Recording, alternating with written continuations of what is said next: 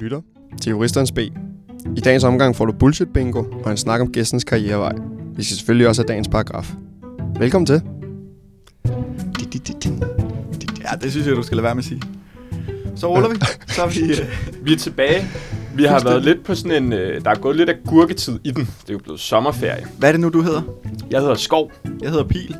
Jeg hedder Daniel. Og i dag har vi en øh, særlig gæst med os. Jeg hedder Rasmus Tingholm, og jeg er formand for øh, Djøf Advokat. Rasmus, vi Sådan. har jo glædet os vildt meget til at have dig med i dag. Dels fordi du har taget noget rigtig, rigtig fedt med til os. Dels fordi vi skulle ikke selv forberede noget. Så det er jo vildt smart, at vi bliver taget lidt i hånden i dag. Ja, det var en meget vigtig faktor i sommerferien. Jamen, jeg tænkte også, der måtte være nogle sådan helt særlige udvælgelseskriterier for at få lov til at være med, så jeg måtte ligesom gøre lidt, lidt ekstra. Jamen det er jo det, det kan vi jo se, du har gjort. Der ligger jo papir med overstregningstuscher ren øh, farverullade derovre. Ja. Simpelthen. Jamen, fuldstændig. Jeg, jeg er spændt på at se, hvad, hvilket emne jeg trækker, men øh, det skal nok blive godt. Prøv at sætte nogle ord på, hvem er du, øh, sådan både personligt og, og øh, karrieremæssigt? Jamen, øh, jeg er først og fremmest 33, øh, blev øh, færdig på Aalborg Universitet i 2015.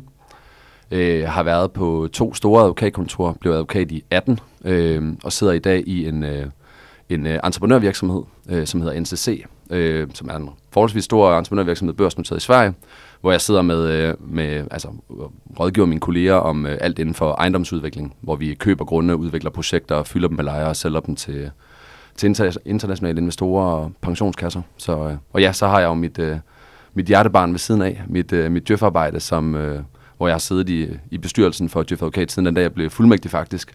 Okay. Så, øh, så jeg har altid været en, der engageret mig meget både på studiet og, og også i, i Djøf, og blev så formand øh, 1. januar sidste år, øh, og jeg synes, det er mega fedt. Cool. Er det ikke også noget, man kan brænde alderne lidt på? Altså, jeg tænker, du har også været ude at sige nogle ret vilde ting måske også, ikke? Altså, det er jo også, du skubber også lidt til nogle ting. Jeg tror i hvert fald, at øh, altså jeg tror, det man skal huske på nogle gange, det er jo, at, øh, at vores interesse er jo ligesom at, og, eller vores opgave er jo ligesom at varetage interesserne for de ansatte advokater og advokatfuldmægtige. Og der er helt sikkert nogen, der synes, jeg siger nogle, øh, nogle ting, som, som er lidt ved siden af nogle gange, men, men det man skal huske på, det er jo, at jeg formidler jo et budskab på vegne af de 3.000 medlemmer, vi repræsenterer. Øh, og jeg synes egentlig, at vi, øh, vi peger på nogle ting, hvor vi kan lægge nogle data frem og sige, øh, vores medlemmer siger sådan her, skal vi, øh, skal vi tage den derfra? Og at der så er nogen, der engang imellem synes, at øh, jeg er lidt hård ved dem, det lever jeg fint med. Hvordan, nu siger du, at du er, du er bagget op af en masse Jeff-medlemmer. Hvordan kommer man i den position, som du er i nu? Jamen, historien var egentlig kort, som jeg sagde før, jeg har altid engageret mig i forskellige ting. Jeg kom med i, øh, Djøf har også en, en gren for studerende, som pudsigt nok hedder Djøf Studerende, og der blev jeg valgt ind øh, i den bestyrelse i 14, og sad så som observatør, altså bare som, som studerende i øh, Djøf Advokat, øh, og kunne få lov til at tale, og det, det holder jeg mig ikke tilbage med. Øh, så, øh, så da jeg blev færdig, spurgte jeg, om jeg havde lyst til at sidde i bestyrelsen, og så har jeg bare, så blev jeg næstformand otte, må- otte måneder senere, og så, ja, så da der skulle findes en ny formand, så var der, så var der opbakning til mig, og det er jeg jo super glad for. Jeg har jo et mega, mega fedt hold, og jeg synes, vi laver en masse fede ting, både politisk, men også øh, arrangementer og alt muligt andet. Så det, det, det er ret fedt. Men jeg tænker også, at det i et eller andet omfang er et svært mandat at forvalte, fordi jeg tror, noget af det, vi har talt om tidligere, øh, det er, at det kan næsten virke sådan lidt dogmatisk, i hvert fald når man er studerende, at man lidt vender den der klassiske forestilling på hovedet, at man som arbejdstager er heldig, hvis man kan komme ind hos de rigtige steder. At det ikke rigtigt er arbejdsgivers privilegie at kunne tiltrække arbejdskraft, det er i højere grad arbejdstagers privilegie at få lov at blive ansat. For mange studerende er det meget sådan, jeg skal også arbejde de rigtige steder, og hvor er det heldigt, at jeg får lov til at arbejde her. Og det tænker jeg også er noget, der bundfæstner sig hos øh, fuldmægtige eller lignende, når man kommer ud på den anden side. Så hvordan er det ikke en svær balancegang at skulle sidde og forvalte det mandat?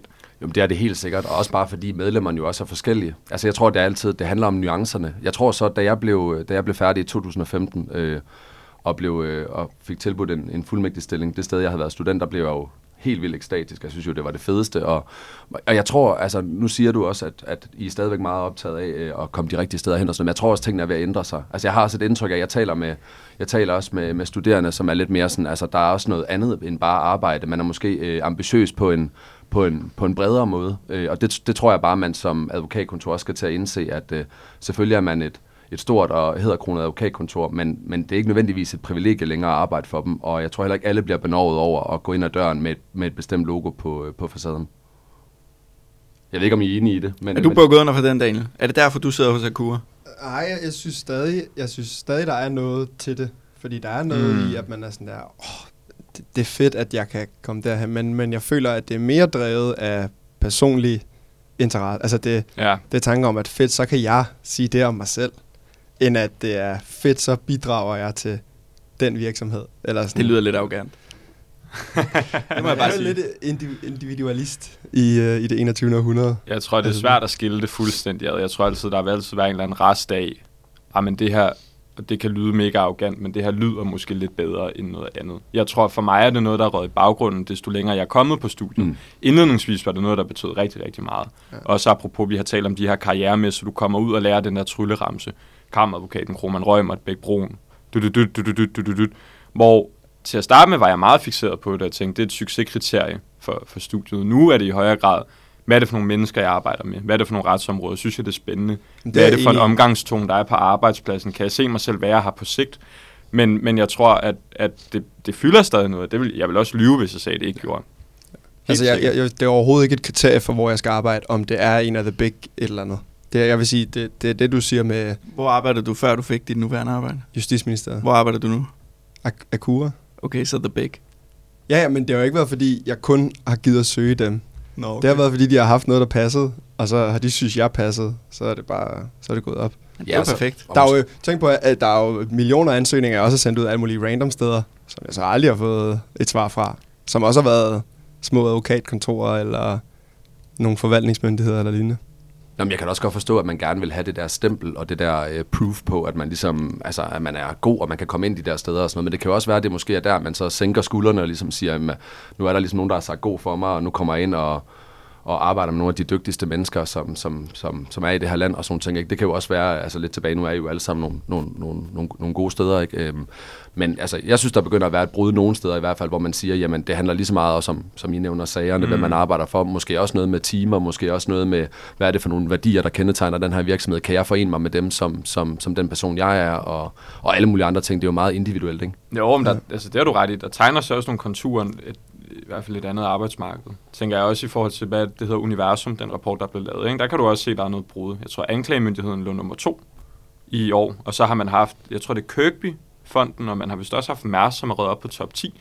Så der begynder jo at være et skift væk fra den der meget klassiske forståelse af, succeskriteriet er et stort kontor, hvor der er advokater til at være succeskriteriet, kan også være alle mulige andre virksomheder, hvor der kan være nogle andre bærende søjler for, hvad det vil sige at have en god arbejdsplads. Og det tror jeg er rigtig, rigtig interessant. Mm. Jeg tror også, hvis jeg bare lige må sige en sidste ting i forhold til det, så tror jeg også, at det vi også ser, det er, at konkurrencesituationen, den ændrer sig lidt. Altså nu, der er jo altså det, man kalder nularbejdsløshed øh, blandt øh, jurister, fordi at ledigheden er under 1% blandt færdiguddannede jurister. Så det er jo også noget med, at selvom man er et stort og hæderkronet advokatkontor, så kommer der flere aktører, som kæmper om de her. Altså, nu så jeg på, øh, på den seneste karrieredag, der, der var der konsulenthuse, der var, der var virksomheder og alle mulige andre ting, som jeg umiddelbart ser lidt som et nybrud. Så der kommer også flere aktører, der gerne vil have fat i alle de kloge hoveder, Ja. der går ud på, på universiteterne. Ikke? Så Helt sikkert. man er også nødt til at op sit game, og man kan ikke bare øh, blive siddende på sin stol og vente på, at, øh, at Kom folk sender en til ting. det. Præcis. Nej. Ja, hvis der er nogen af jer, der sidder derude og tænker, karrieredag, hvad er det for noget? Så kan I jo øh, hoppe tilbage til episode 3 og høre vores reportage derfra. Lige præcis. Men øh, må jeg lige prøve at høre, øh, Rasmus. Du har været i to advokatkontorer, og så kom til NCC. Øh, og det kan man jo... Det ved jeg ikke, om man kan sige, men det er jo et utraditionelt skift altså til en virksomhed, som, som, kommer, som er udefra, nemlig hele den her advokatkontors boble. Hvordan, øh, hvordan skete det, og hvordan, hvordan fandt du det? Jamen, jeg var sådan set rigtig glad for at være i, øh, i advokatbranchen. Det var ikke, fordi jeg sådan nødvendigvis gik og overvejede, at jeg skulle videre. Jeg tror, for mig har det... Altså, jeg synes, jeg var et godt sted. Jeg var sådan ret specialiseret inden for, for fast ejendom, og havde, havde været så heldig at have nogle, øh, nogle dygtige chefer, som blev betroet nogle store sager, som jeg var involveret i. Jeg synes, det var super spændende. Og så, øh, jamen, jeg tror, efter, lidt efter første lockdown der i 20, der bliver, der bliver jeg ringet op af en... Øh, en, øh, en øh, headhunter, der spørger på, på den her stilling, og øh, baghistorien er, at jeg var, øh, altså det er jo ikke nogen hemmelighed, hvor jeg har arbejdet. Jeg har arbejdet i øh, Plesner i mange år, og så, øh, så var jeg med et stort hold øh, på fast ejendom, som skiftede fra Plesner til Akura ved årsskiftet til 2020. Øh, som var et rigtig godt skifte. Vi blev, øh, vi blev behandlet rigtig godt, og vi blev taget godt imod i Akura. Det var sådan set øh, rigtig godt hele vejen rundt. Men så får jeg det her opkald, og, øh, og jeg var sådan lige skiftet jo syv måneder for inden jeg var kommet på et nyt kontor, selvom det var de samme mennesker, jeg arbejdede med. Og, øh, og der var jeg sådan lidt, da, da hun ringede, så var sådan, det lyder da spændende, og det der, jeg er da glad for, at du ringer til mig, men øh, det har ikke lige nogen interesse, fordi jeg følte, at jeg lige var skiftet, og vi havde jo ligesom, øh, vi havde jo ligesom øh, lavet den her commitment om, at nu skulle vi, nu skulle vi over og, og, og skabe en, en, en fed afdeling i Akura. Men så gik jeg alligevel og tænkte lidt over det. Hun bad mig også tænke lidt over det. Og ja, så tænkte jeg, så kunne jeg da altid lige give det et skud og høre lidt mere. Og så blev jeg bare ret draget over øh, den måde, de arbejder på, og de værdier også, der, der kendetegner dem. Så tænker jeg, jamen, der er ikke så mange af den slags stillinger derude, så kan jeg jo prøve det, og hvis det ikke er mig, jamen, så, så er der nok en mulighed for, at, øh, at der er et advokatkontor, der vil, der vil øh, tage imod mig en dag, selvom jeg måske nogle gange siger nogle, øh, nogle lidt vilde ting. Apropos værdier, altså hvad er det, er der, hvad er det du, du ligesom øh, lægger vægt på i det, i det skifte? Jo, men jeg, jeg, jeg ved ikke, om det er så meget lige af værdierne, men jeg tror, det, jeg synes, der var fristende ved det, det var det der med at være med i hele processen. Altså, med det, jeg lavede før, der var vi ligesom med i opstarten og lavede ligesom hele skelettet og alle strukturerne til, til det ejendomsprojekt, der skulle laves. Og så, ja, selvfølgelig bliver man involveret, hvis der opstod noget undervejs, men nu var det nogle øh, gode klienter, der havde styr på deres ting, så det var sådan ikke så ofte, man blev involveret. Og så 6-12 måneder inden bliver man så involveret igen, og så skal man være med til at løbe tingene i mål. Og jeg savnede ligesom alt det der, der var indimellem. Altså at få den forståelse for, hvad er det for en proces, der løber der. Og den mulighed havde jeg jo ved, at jeg sidder med på, øh, altså i den stilling, nu, som jeg har nu, kan sidde med øh, hele vejen. Og så det der med at arbejde med forskellige fagligheder. Øh, det er jo super inspirerende at være sammen, med, øh, være sammen med nogle af de dygtigste advokater i det her land. Det er klart, det lærer man jo helt vildt meget af. Men nogle gange så, så savner man måske også nogle, øh, nogle perspektiver øh, og nogle andre syn på tingene. Og nu sidder jeg jo med, med kolleger, som har alle mulige baggrunde. Vi er to advokater ud af de... Øh, ud af de 19, vi er i, i vores lille butik. Ikke? Så, så det gør jo, at man får alle mulige andre perspektiver, og jeg ved lige pludselig, hvad, øh, hvad en dammspærre er, og hvad... Øh, og hvad, Hvad er det så? Jamen, det er sådan et, øh, det er sådan et slags... Øh, hvad det, øh. Altså, det vil jeg vide. Jeg, kan- jeg kan ikke engang samle en seng, som vi talte om tidligere. Jeg tror, alt der er sådan noget handyman, det, det står jeg fuldstændig af på. Det kan jeg sgu ikke. Og hvordan kan det være, øh, at det lige var fast ejendom og entreprise, du synes var... Altså, det ved jeg ikke, om du har, om du har tænkt over, hvad det var, der, der fængede dig ved det i forhold til andre Altså, du, områder. du er fra Jylland, ikke? Jeg har læst på Aalborg Universitet. Ja, præcis. det, der giver det jo meget god mening, tænker jeg. ja, det, det, det ved jeg ikke. Jeg, jeg synes, øh, jeg synes øh, faktisk på Aalborg Universitet havde man fast ejendom som et obligatorisk fag. Og så valgte jeg entrepriseret til erhvervslejeret og sådan. Jeg synes, det var meget spændende. Og så havde Plæstner dengang sådan en uh, sommerskole, hvor man kunne komme over og lege øh, advokat i, øh, i tre dage øh, med nogle forskellige workshops og sådan noget, som handlede primært om fast ejendom. Og det synes jeg bare var vildt spændende, og jeg synes, det var nogle øh, mega søde mennesker, der var med, og blev ret, øh, blev ret draget af, af, af hele den der verden nu. Det er ikke, der er ikke så store, øh, så store advokatkontorer i, i Aalborg. Jeg arbejdede på et Mm. kontor i Aalborg på det tidspunkt. Øh, og så var det bare, jeg synes, det var fedt, og ja, så, så endte jeg der, og så blev jeg placeret i fast ejendom, fordi det ville jeg gerne, og ja, så har jeg arbejdet med det lige siden. Øhm, skal vi øh, videre til noget øh, bullshit bingo? Det synes jeg da, vi skal. Absolut. Ja. Vi tager en breaker. Du, du, du, du, du, du, du, du.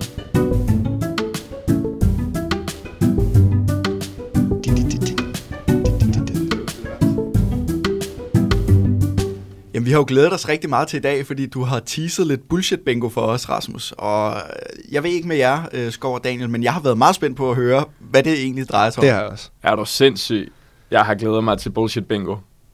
Nej, men jeg tror, at, jeg tror, at det vi talte om, da vi ligesom mødtes første gang, og ligesom skulle prøve at snakke emner om, hvad det var, vi skulle tale om, så øh, jeg kan også huske i en af, i et af, en af jeres episoder, I talte om det der med, at, at, at langt de fleste advokatkontorer ser sig som ret unikke, øh, men hvor det måske nogle gange som, som jurastuderende, når enten når man står til karrieredag, eller man kigger på, på, på hjemmesiden, at det kan måske være lidt svært at, øh, og sådan at skælne dem fra hinanden i forhold til, hvad, hvad de står for, og, og hvordan det, må, det er at arbejde der. Og så tænker jeg bare, jamen så, så kunne det jo være meget sjovt, hvis jeg øh, gik lidt øh, på, øh, på opdagelse på, på hjemmesiden og så, hvad der stod, og så kunne jeg bare tage et par udsnit med, og så kunne I jo prøve at forholde jer til, om I synes, det er, om I synes, det er noget unikt, eller det er sådan, øh, måske ikke bullshit, men i hvert fald øh, temmelig ens. Så jeg synes, det var lidt spændende lige at få, øh, få sådan ungdommens take på, øh, på, på indholdet på, på visse hjemmesider. Det tror jeg, vi synes er fedt. Altså, der er, hvad, der er den der term, man kalder nogle gange noget for newspeak. Du ved, sådan noget, det er sådan noget kompliceret noget, hvor man ikke rigtig forstår, hvad det er. What? Jeg har siddet mange gange og læst nogle stillingsopslag, hvor jeg har tænkt, jeg forstår ikke, hvad det er for nogle kvalifikationer, jeg skal have, eller hvad er det for nogle øh, værdier, der er i den her virksomhed. Om, der tror jeg, der er om- mange Om man er overhovedet der- kvalificeret til Ja, at søge. det, det er sådan, at man forstår det slet ikke. Nej. Altså, man føler, at man skal have et ligestal, der er through the roof, overhovedet at forstå, hvad det vil sige at være studentermedhjælper. Så det, jeg tror, der er lagt i kakkeloven til noget spændende her. Ja, og det kan måske være, at jeg lige skal starte med et disclaimer. Altså nu, når man, når, man, når man går ind på en hjemmeside, så er det jo nogle, først og fremmest nogle meget, meget flotte hjemmesider. Der står meget, øh, så det er jo også sådan lidt, øh, man kan hurtigt få skudt i skoene, man har taget ting ud af en kontekst. Men det, jeg har prøvet at gøre, det er, at jeg har prøvet at tage ligesom det, man, man først møder, når man går ind på, på karrieresitet. Øhm, så, øhm, så jeg kommer bare til at læse dem op en efter en, og så vil jeg egentlig bare lade jer, øh, lade jer sådan, øh, Tyg lidt på dem. Tyk lidt på dem. Og om I synes, der er, om I synes, der er noget, øh, om der er noget øh, rigtig dyb substans og mening, eller øh, at man måske kunne, øh, næste gang man skal, man skal tilpasse sin hjemmeside, om, øh, om man skulle, øh, om man skulle øh, inddrage nogle andre, andre. facetter. Ja. Skal vi gøre det? Vi er klar. Okay. Øhm, vi starter med, med en, som, øh, som jeg faldt over, fordi jeg læste en, øh, en bæredygtighedsrapport, som, øh, som er blevet udgivet for ikke så lang tid siden. Jeg synes simpelthen, den var, den var ret rammesættende for det, vi skulle igennem. Ikke fordi jeg, jeg, jeg sådan på den måde synes, der var noget galt med den, men den lyder sådan her. Ansættelse af nye advokatfuldmægtige og kan kandidater er en strategisk prioritet for os, og vi tiltrækker fortsat de dygtigste jurastuderende fra hver årgang. Og det er vigtigt, at det netop er de dygtigste. Da ansættelse af de mest talentfulde kandidater reelt indgår i et økosystem af sager, der rykker, ansvar, der vokser og samarbejde, der løfter. Når vi kan tilbyde den bedste uddannelse som advokat, gode ledere og udfordrende sager, kan vi også tiltrække de kandidater, som kontinuerligt ønsker at udvikle deres kompetencer. Bingo. Ja, der, der, Bingo på bullshit. det er godt nok noget af... Noget. For mig er det, for mig er det økosystem. Altså sådan der, lige at hive den helt op og sige, vi, vi prøver at, at, du ved, at lave et økosystem ved strategiske overvejelser, hvor vi tiltrækker de dygtigste hele tiden. Ej, jeg skal huske på, at det er en bæredygtighedsrapport. Så er det jo okay med økosystemer. Nå ja, Måske konteksten er Okay, lidt ja, skæv, ja, ikke? jo, men, jo, jo, jo. men, men det er, ja. også- den er nem at sige, at det at ansætte medarbejdere er strategisk. Ja. Øh, ja. Den er meget let købt, Det ikke? jeg Det er håbe, sådan- det var.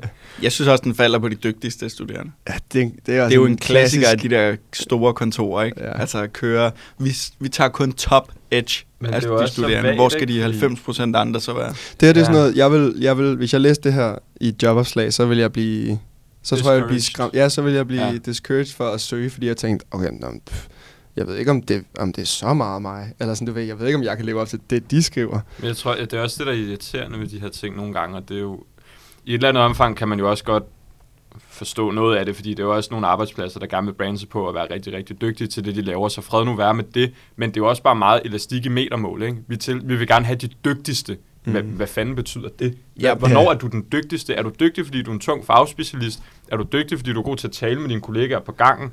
Måske ikke være altså hele tiden, men du ved, er det, er det noget, der indgår? Hvor, hvor god skal du være på studiet? Hvad for Ja. karakterer skal du have? Når du sidder og læser det her som studerende, du fatter jo ingenting. Nej. Problemet er jo lidt, at det der dygtighedskriterium jo tit bliver holdt op på karakterer. Altså nu ved jeg, nu er det ikke fordi, jeg aktuelt øh, er ved at søge hos Brunner Jejle, men jeg ved, at Brunner Jejle har en funktion, hvor du inden din ansøgning skal skrive dit karaktergennemsnit ind i sådan et felt. For Og at så blev sorteret. Og så tænker jeg, jeg kender ikke den bagvedlæggende algoritme, men jeg tænker, man bliver sorteret fra, Ja. hvis man ikke øh, har et snit over x antal. Må jeg, må jeg prøve at teste noget på jer her? Fordi Ja, øh, jeg har øh, på, øh, på folkemødet, øh, som jeg var på her for, for tre uger siden, der, øh, der talte jeg med en øh, bestyrelsesformand øh, på, et af de, øh, på et af de store kontorer. Og, og jeg sagde til vedkommende, at øh, jeg har gået sådan lidt og tænkt på, at man jo, netop som I siger, den der usikkerhed med, hvad er det egentlig, der kræves, også på karakter, hvor jeg foreslog øh, den her bestyrelsesformand, at man jo egentlig bare kunne tage alle de kandidater, uagtet om det var øh, jurastuderende, eller det var advokatfuldmægtige eller advokater, øh, for de seneste 12 måneder, lave et prikdiagram med deres øh, gennemsnit på bacheloren eller kandidaten, og så bare øh, enten bare lave et prikdiagram, øh, og, og måske endda sætte en median på, hvad ved jeg, men så bare lægge den ud og så sige, inden for de seneste 12 måneder, der er det set sådan her ud. Mm. Dem, som øh, er helt oppe, det giver sig selv, det er jo, det er jo, det er jo noget, vi vægter. Øh, dem, der måske ligger øh, lidt under den her median, eller øh, jamen, det skyldes andre ting. Det kan være, at de har været, øh, de har været aktive i JD, eller det kan være, at de har været i en retshjælp, eller det kan være, at de har været øh, spillet anden divisionsfodbold, eller whatever. Mm. Bare for at prøve ligesom at give den der transparens og sige, at, at netop det her med, med dygtighed og talent og nogle af de her ting, at det kommer i mange former, og det ligesom er fordi de siger jo alle sammen, tror jeg, ude på karriere, øh, karrieredagen stadigvæk, at det er det hele menneske. Men det kan måske godt være svært at gennemskue det i, Ja. øh, i, øh, i, Det i stillingsopslagene. Ja. Jeg kan faktisk også huske, øh, da jeg skulle til at søge studiejob for første gang, så fandt jeg faktisk noget, som Djøf havde lavet, som jeg ikke ved, om, I, om, om bliver lavet mere, men det var, øh, det var sådan noget, så har de Djøf været ude og spurgt øh, de top, hvad skal jeg sige, 8 øh, mest søgte øh, arbejdspladser inden for jura, og så stillede dem en række spørgsmål, som, som stederne så svarede på, og det kan jeg huske, det var sindssygt fedt at læse, fordi så kunne man den måde ligesom danne et indtryk af, hvad er det, hvad er det, de lægger vægt på i de her svar. Så er det for eksempel, er der en dresscode, eller øh, skal man have højt snit for at komme ind, og så bare den måde, de ligesom havde formuleret deres svar, gav alligevel lidt et indtryk af, okay, hvad er det for, hvad er det for noget? Så det, det tror jeg egentlig ville være en meget god idé, sådan noget. Ja, give Jamen, så er ideen her med øh, givet videre, hvis der er opbakning til den. Jeg tror, det vil være godt med transparensen. 1, 2, 3, tilslutning. Det tror jeg, jeg synes er fedt. Altså det, jamen, jeg er meget enig. Jeg tror også, at man må også huske på, når du starter som studerende. Jeg var, jeg var 19, da jeg startede på bacheloren. Ikke? Jeg kan ikke huske, du var 20, 21. Da vi startede? Ja. Øh, jeg var 19, tror jeg. Ja, og du var, jeg kan ikke huske, du var 18, ikke? Så det var også det der med at starte, apropos sådan noget med dresscode. Altså, sådan, jeg, jeg troede, dresscode, det var noget, man havde, når man skulle til bryllup. Jeg havde aldrig tænkt over, det også var noget, man kunne have på en arbejdsplads. Så det der med at starte, sådan, apropos den der Djøf-rapport, mm. som du taler om, jeg tror, at transparens, altså, jeg, jeg tror også, det vil være mere alt andet lige bedre for arbejdspladsen. Bare Ja, lidt kortene på bordet og sige, om det er de her kandidater, vi gerne vil have, i stedet for at prøve at pakke det ind i sådan øh, flot semantik, og måske det ene, og måske det andet, men talent er det vigtigste. Det er der ikke nogen, der ved, hvad er. Så mm. måske bare sige, "Nå, for fanden, så læg kortene på bordet og sige, vi vil have de her mennesker. I stedet for, at det bliver sådan noget, du skal være her, og du skal gøre det. Altså, Men, men kan det ikke være sådan et misforstået hensyn, det der med, at man gerne vil have flest mulige ansøgere? Men, men det får man måske ikke nødvendigvis, hvis man ikke er så konkret. Er det ikke den overvejelse? Det? Altså, jeg ved ikke, hvordan I tænker.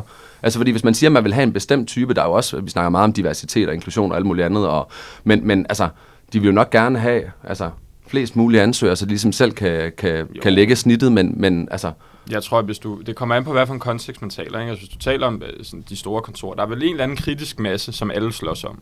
Bare for nu bare at sige det, som det er, fordi når der er nogle karakterer eller et fagligt niveau, der gør det attraktivt.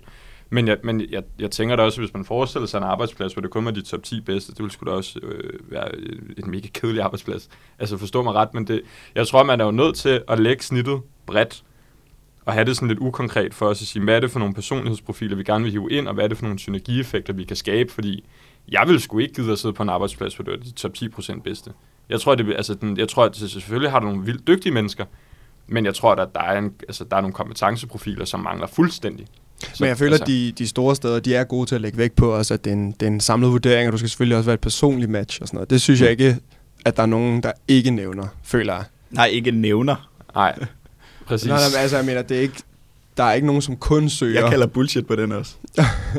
der er ikke nogen, ja, mit indtryk er, at der ikke er nogen, som kun søger de bedste karakterer uden hensynstagen til... Jeg hvem tror, du jeg tror er. at det der, det, det, jeg kalder også bullshit på den der, Danny. Jeg tror, det, det er sådan lidt ligesom Charlie og chokoladefabrikken, ikke? Hvis du har det der øh, karakterark, hvor det ser super ud, super, så får du en samtale. Og du skal Ja. også gøre meget for ikke at... Nå, men jeg mener, hvad de skriver. Det er noget andet, og så hvad de reagerer på, hvad der kommer ind. Det er selvfølgelig rigtigt, men det ved jeg så ikke, fordi jeg, jeg, jeg er typen, som redder mig selv ved, at det personlige match. Jeg, altså, jeg har jo ikke en ja. prængende karakterark, som bare får mig ind overalt. Men har I ikke også prøvet, altså sådan tit til sådan nogle workshops, og det kan være alle mulige steder, så er det sådan noget, ja, men vi vil selvfølgelig rigtig gerne, øh, hvis der er nogen af jer, der synes, det kunne være spændende med en samtale, så ræk endelig fat til mig. Men vi, vi vil jo kun have de bedste. Eller sådan. Det synes Mm. jeg bare tit, at det er sådan en fodnote, der lige bliver skubbet ind til sidst efter sådan der, ja, vi leder efter det fulde menneske, og det skal være fantastisk, og ej, hvor er det holistisk det hele, og jeg ved ikke hvad. Og så kommer der lige den der, men fagligheden skal selvfølgelig også være i orden, og vi forventer også, at jeres karakterblad er derefter. Så det er jo sådan, den bliver altid lige sådan, det er Du- du... lidt Erik Nien Hansen finden, ikke? Vi skubber den lige ind til sidst Ja. under gulvtæppet. Du har været en del af sådan et øh, kaffemødeforløb. Øh, Jeg har, været i med hvert fald par- noget, ikke? Jeg har været med et par stykker, jo. Hvordan, altså, skulle du, skulle du sende dit karakterblad eller noget for, inden overhovedet at få en kaffe, et kaffemøde? Øhm, det kommer an på... Han har, lyst, han har lyst til at sige ja, men han tør ikke. altså, det, hvad tænker du helt konkret på, når du siger kaffe? Jamen, fordi de siger jo sådan noget, det er et uforpligtende kaffemøde, vi bare lige kommer og møder og snakker om en eventuel karriere, whatever. Men Ja. er der nogen, øh, altså, Nå ja, altså det... det skal, du, skrive, skal du sende et CV med i mailen, eller er det bare at skrive, hey, Ej, jeg er tror, faktisk super gange, interesseret jeg i det? det. Der har det været, så har der været god pingpong. Altså, så okay. har man mødt hinanden i et eller andet, altså et faglig sammenhæng eller social sammenhæng, og så har der været en god kemi, og så har man ligesom talt, og så har man åbnet en dialog om det, og så hen ad vejen, hvis man har kunne vurdere, at det er et godt match, der er et eller andet her, vi kan bygge videre på, jo, men så eftersender man det, for ligesom Mm. mm. også at have et sanity check på, at, at den faglige Ja, balance, som den præcis. skal være. Så det er jo aldrig noget, der udstår. Men, men jeg tror i højere grad, at det er noget, der er sådan et sanity check hen ad vejen. Ja. Ja. At, at det er mere sådan, når man er det gode match der, kan du lide værdierne, nu taler vi så bullshit bingo på værdier, men altså, kan du se dig selv arbejde her, og hvad er det for nogle mennesker, du kommer til at arbejde med? Og så efter, altså, du ved, så laver man lige lakmus til, Ja, ja, til sidst og siger, nå, okay. Skal vi have den Nå, næste? Ja, næste. godt. Øhm, nu kommer der nogen fra karrieresitesene, og det, det jeg faldt over, det er, at... Øh, Er det sådan job, det er jobportalen, hvor man ja, går ind på? Ja, det er, øh, på deres hjemmeside, så har de alle sammen en, der hedder karriere. Yes. Ja. Så det, det er simpelthen det er ikke til at, det er ikke til at, de har alle sammen kaldt det karriere. Øh, og det, det påfaldende er ved, øh, ved de tre næste, det er, at de alle omtaler sig selv ved navn. Øh, og ikke, øh, ikke os eller vi eller med og, mm. og, men det er bare lige for at frame den. Jeg kommer ikke med jeg kommer ikke med navnet øh, på nogen af dem, men den første den lyder sådan her. Hos XX sætter vi pris på fællesskabet i en travl hverdag, hvor alle går en ekstra mil for hinanden. Vi betragter alle medarbejdere som talenter, uanset stilling. En af vores fornemmeste opgaver er at tiltrække branchens skarpeste hoveder og skabe optimale rammer for, at alle trives, udvikler sig og har et spændende arbejdsliv. Jeg kan, jo, jeg kan jo nogle gange tænke om det der med at trives og udvikle sig i den sammenhæng Ja. går hånd i hånd, eller om det i virkeligheden er to vidt modstridende begreber. Men det er jo også sådan, det er lidt paradoxalt, ikke? Eller sådan, det er et oxymoron. Du kan jo ikke både... Det, det kommer an på, hvad du lægger i at trives. Men, ah, men vi skal have de skarpeste hoveder, og man går lige et ekstra mil for hinanden, og vi alle er talenter. Men du skal også trives, ikke? Du er sådan, altså, you can't have your cake and eat it too. Hvis du skal løbe 120 timer, så er det jo klart, at du ikke kan trives på sigt. Ja, 100. plus, vi, vi skal alle sammen trives, men hvis du pludselig skal blive til klokken 20 i aften, selvom du ikke har lyst, Så er det bare sådan, det er. Det, vi går en mil fra hinanden. Ja, præcis. Ikke? Jeg tror noget, det der nærer mig rigtig meget, og, og det er så også noget, der gør sig gældende for de næste to, kan jeg forstå. Det er næsten det der med, at man ophøjer arbejdspladsen til en institution ved at have den ved navn. Det bryder jeg mig ikke om. Altså, jeg synes, det er mærkeligt, og jeg er sådan, the firm, altså forstår hvad jeg mener? Det er næsten sådan, øh, nu ved jeg ikke, hvem det er, der har sagt det, men altså, det, det er også lige meget, men det er sådan noget, den her virksomhed, det er sådan en, det er en institution i sig, og du er heldig, du får lov at være en del af institutionen, men institutionen kommer til at overleve, uafhængig af, om du er der eller Ja. ej. Men hvis du kommer derind, så skal du altså løbe hurtigt. Altså, det er jo også det der med, jeg synes, man som virksomhed holder en eller anden distance til sine medarbejdere. Ja, det det virker bliver- sygt fjollet, så du kan jo ikke både være sådan, at vi vil mega godt skabe et godt øh, arbejdsforløb for dig. Men du skal bare lige huske, at institutionen består ligegyldigt hvad. Altså, det synes jeg er fjollet. Du bliver jo ikke en del af et kollegialt fællesskab. Du Nej, bliver en del af en advokatvirksomhed, hvis formål bare er at tonse dig ud af og tjene en masse penge. Ikke? jo, jo. Det er det indtryk, jeg får i hvert fald. Ja, ja men enig. Altså, og det er sådan, øh, også det der ekstra mil. Ja. Jeg synes også, det er sådan, jeg ved ikke, om det Noget er skulle bare mig. men- formulere. Jamen, jeg synes også, man skubber det over på, på medarbejderne næsten i et eller andet omfang. Ja. Ikke? Du skal være en god medarbejder, du skal også huske at tage ansvar for dine medmennesker. Er Ja, man, lidt- man har lige pludselig mange arbejdsopgaver. Ikke? Man skal Jo. både trives, og man skal gå et ekstra mil, og man skal være en god kollega, ja. og man skal sidde der til klokken 8 om aftenen. Præcis, det er sådan lidt... Ja, det er sgu lidt forældet. Den er hård. Jeg kalder bullshit på den. Altså, den var bedre end den anden, men stadig bullshit Jeg, retning. jeg føler, det er sådan en standard passus også. Ja. Jamen, det kan være, at vi skal høre den næste, så kan Ja. vi jo se, om det er sådan en uh, standardfrase, de har. Jeg Ja, ved ikke, om det... Det kan også være, at de har spurgt uh, ChatGPT, lav en, uh, lav en kort introduktion til os. Uh, vi har det her navn. Uh, nå, I får den næste her. Den lyder sådan her. Hos XX søger vi løbende nye, dedikerede medarbejdere, der vil være en del af en advokatvirksomhed i rivende udvikling. Vi vægter stærkt samarbejde og godt arbejdsmiljø højt. Vi ønsker at være en inkluderende arbejdsplads med plads til forskellighed og arbejder for at skabe mere ligestilling i advokatbranchen. Den synes jeg er mere neutral på en eller anden måde. Eller sådan, det er det der, når det begynder at blive poetisk, det der med milen fra før. Der synes jeg, det er sådan, det er whack. Den jeg her kunne synes virkelig jeg er godt tænke mig at vide, hvem det var. Fordi jeg synes jo sådan noget der, det lyder som noget... Altså, det lyder som nogen, der, har, der virkelig prøver at have værdierne på, på rette På plads. rette. Men at man kunne forestille sig, at det ikke er noget, der Ja, helt det- fungerer i praksis. Det er også lidt det, ikke? Altså, det er meget tit, at man, man smykker, altså, smykker sig med lånte fjer, eller sådan, men du ved, så er der et eller andet fordækt alligevel, at hvis man har behov for at skrive sådan, "Jamen, vi går meget ind for ligestilling. Altså, jeg synes, det er sådan lidt, det bør jo bare være en selvfølge i 2023. Det, det går man ind for, så hvorfor skal det overhovedet nævnes? Det er lidt ligesom mås- vores kantinemadsafsnit, Ja. hvor vi snakkede om, øh, hvis der var en pæn overskrift på maden, så var det nok fordi, det, Ja, det er ikke bare så godt. Ej, Jeg tror, jeg vil sige til, til det her øh, kontor, så jeg har ikke, øh, jeg har ikke nogen øh, aktier i nogen af dem, men jeg tror, jeg vil sige til det her kontor, så jeg tror, det her det er en ret ny formulering. Øh, øh, det her kontor har, ligesom flere andre, øh, for nylig lavet sådan en øh, diversitets- og inklusionsplan, øh, plan.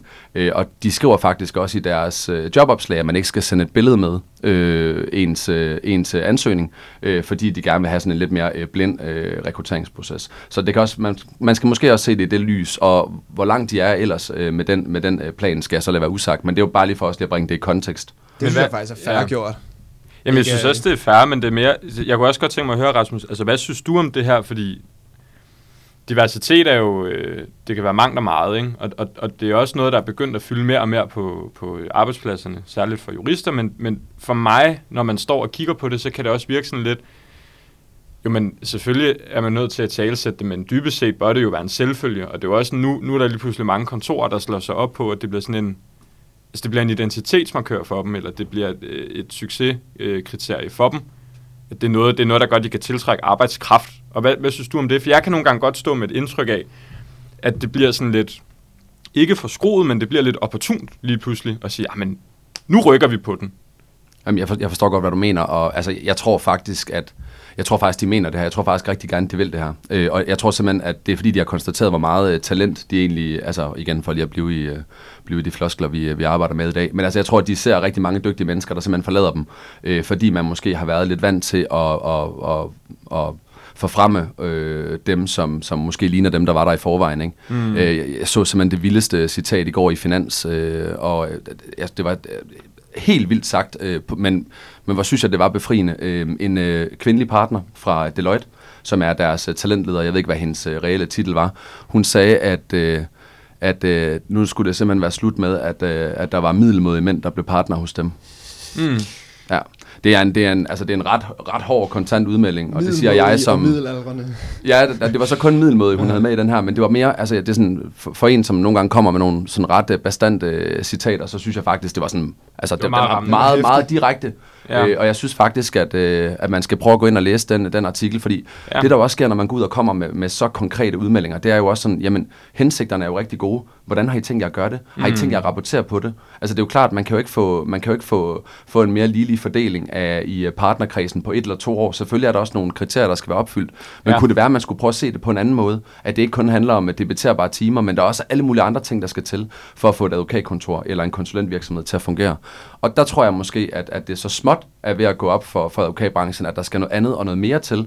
Øh, spørgsmålet er så, hvor hurtigt den øh, udvikling går, men jeg tror, at dem, der lykkes med det, og dem, der tør at have mod til at inkorporere det i deres strategi, det er dem, der kommer til at være morgendagens vinder, hvis vi skal blive i, i flosklerne. Men kan man ikke også bare være bange for, at det er gammel vin på nye flasker? Fordi jo. jeg tror, nu, jeg, jeg læste en artikel fra Advokatwatch her forleden, og jeg tror, det, det øh, Krummer Rømeren, som på lige linje med en række andre kontorer har valgt at skrotte det her krav om debatterbare timer i forhold til bonus. Mener jeg, der var en artikel om. Det er. Hvor det var, at, at intentionen er jo rigtig fin. Det skaber et kæmpe, kæmpe stort arbejdspres. Jeg tror, øh, alle, hvis man sidder på et advokatkontor og, og taler med fuldmægtig eller whatever, det er noget, der fylder. Altså, det er, jo, det er jo bare noget, man er opmærksom på, så det med at kunne, ligesom at, at kunne smide den del væk og barbere det fra, det er jo dejligt.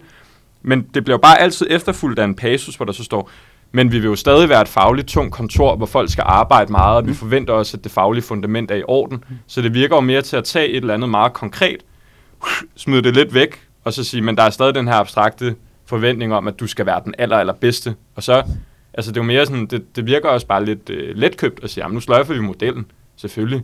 Men jamen, altså, du skal stadig være den bedste. Jamen, altså. det, er, det er jo lige før, du kan blive formand for Jeff Advokat, fordi jeg var faktisk ude, jeg var faktisk ude og kommentere på den der artikel, og jeg synes, altså, jeg synes jo altid, det er forfriskende, når der er nogen, der prøver noget nyt. Og jeg, jeg, jeg, ja, jamen, jeg har sådan en, og jeg har sådan en, altså... du ved, jeg har sådan en naturlig indstilling om, at, at Altså, jeg tror på, at man gør det for forandringen. Men ja, det er klart, ja. som du siger, det der med, så, så fjerner man et debiteringskrav, men, men der bliver sagt i samme sætning, at man forventer, at folk arbejder lige så meget.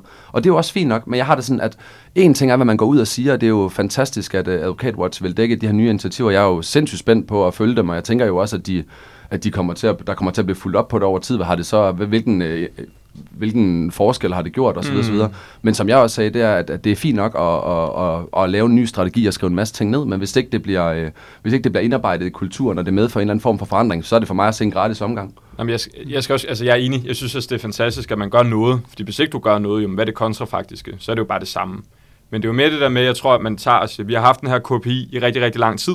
Nu skrotter vi lige lortet, og så bevæger vi os over i noget abstrakt, der i værste konsekvens skal blive vildt arbitrært. Hvor, hvor jeg sad sådan lidt og tilbage med en fornemmelse af, hvorfor laver man ikke bare en eller anden segmentering, hvor man siger, x til y intervaltimer, x til y intervaltimer, dut, dut, dut, dut, så der stadig er en eller anden struktur om det. For jeg, jeg ved ikke, jeg kan nogle gange godt sidde med sådan en opfattelse af, jeg, jeg vil ikke sige, at man gør en uret over for, for medarbejdere, men det er jo også sådan der at tage noget, der er meget konkret, og så bare smide det fuldstændig væk og lade det være en black box og sige, du skal være fagligt dygtig det er jo sådan, hvad fanden skal du så?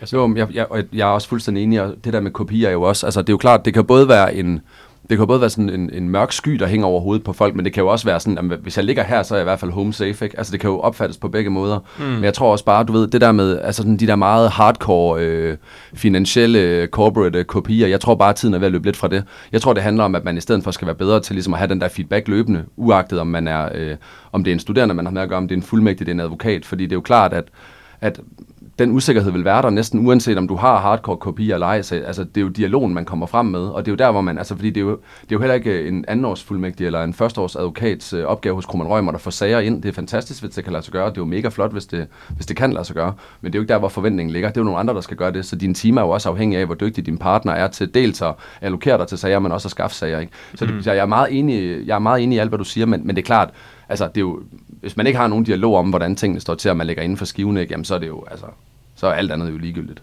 Så dialog, dialog, dialog. Og på den note skal vi så have den øh, næste. Skal vi have den næste? Ja, okay. En tangent. Nu går vi så fra øh, hos til I. Men I, XX, tror vi på, at alle vi ansætter har talent. Og vi har fokus på at udvikle alle vores medarbejdere, så de får deres talent i spil i hverdagen, og kontinuerligt udvikler nye kompetencer.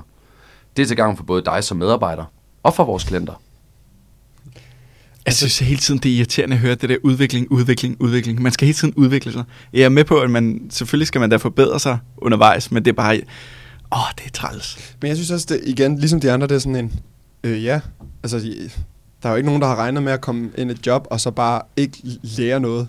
Altså, du ved, bare, bare lave det samme dag ind, dag ud, uden at der er nogen form for forskel i, hvad du kan bagefter. Det, den føles gratis igen også, på en eller anden måde. Det ved jeg ikke. Jamen, det er jo bare det samme bolsje pakket ind i noget andet Ja, papir. altså, det er, jo, det jo det hele tiden det samme, og der er hele tiden sådan en bundklang af sådan noget survival of the fittest. Ikke? Vi forventer, at du løber hurtigt, og du udvikler dig til gavn for dig selv og klienterne. Men igen, som vi snakker om tilbage med karrieredagens afsnit, øh, hvor vi snakker om merch, at det hele på en eller anden måde afleder af hinanden, at du, hvis, øh, ingen af dem har faktisk lyst til at have merch med. Øh, men fordi den ene båd gør det, så må den anden båd også gøre det, og så gør den tredje det også, og så begynder de at konkurrere mod hinanden. Det er lidt det samme med det her. De er ligesom sådan der, okay, når alle de andre har skrevet noget pænt og sige om dem selv, så sådan, hvis vi ikke gør det, så ligner det, at vi ikke er på samme standard.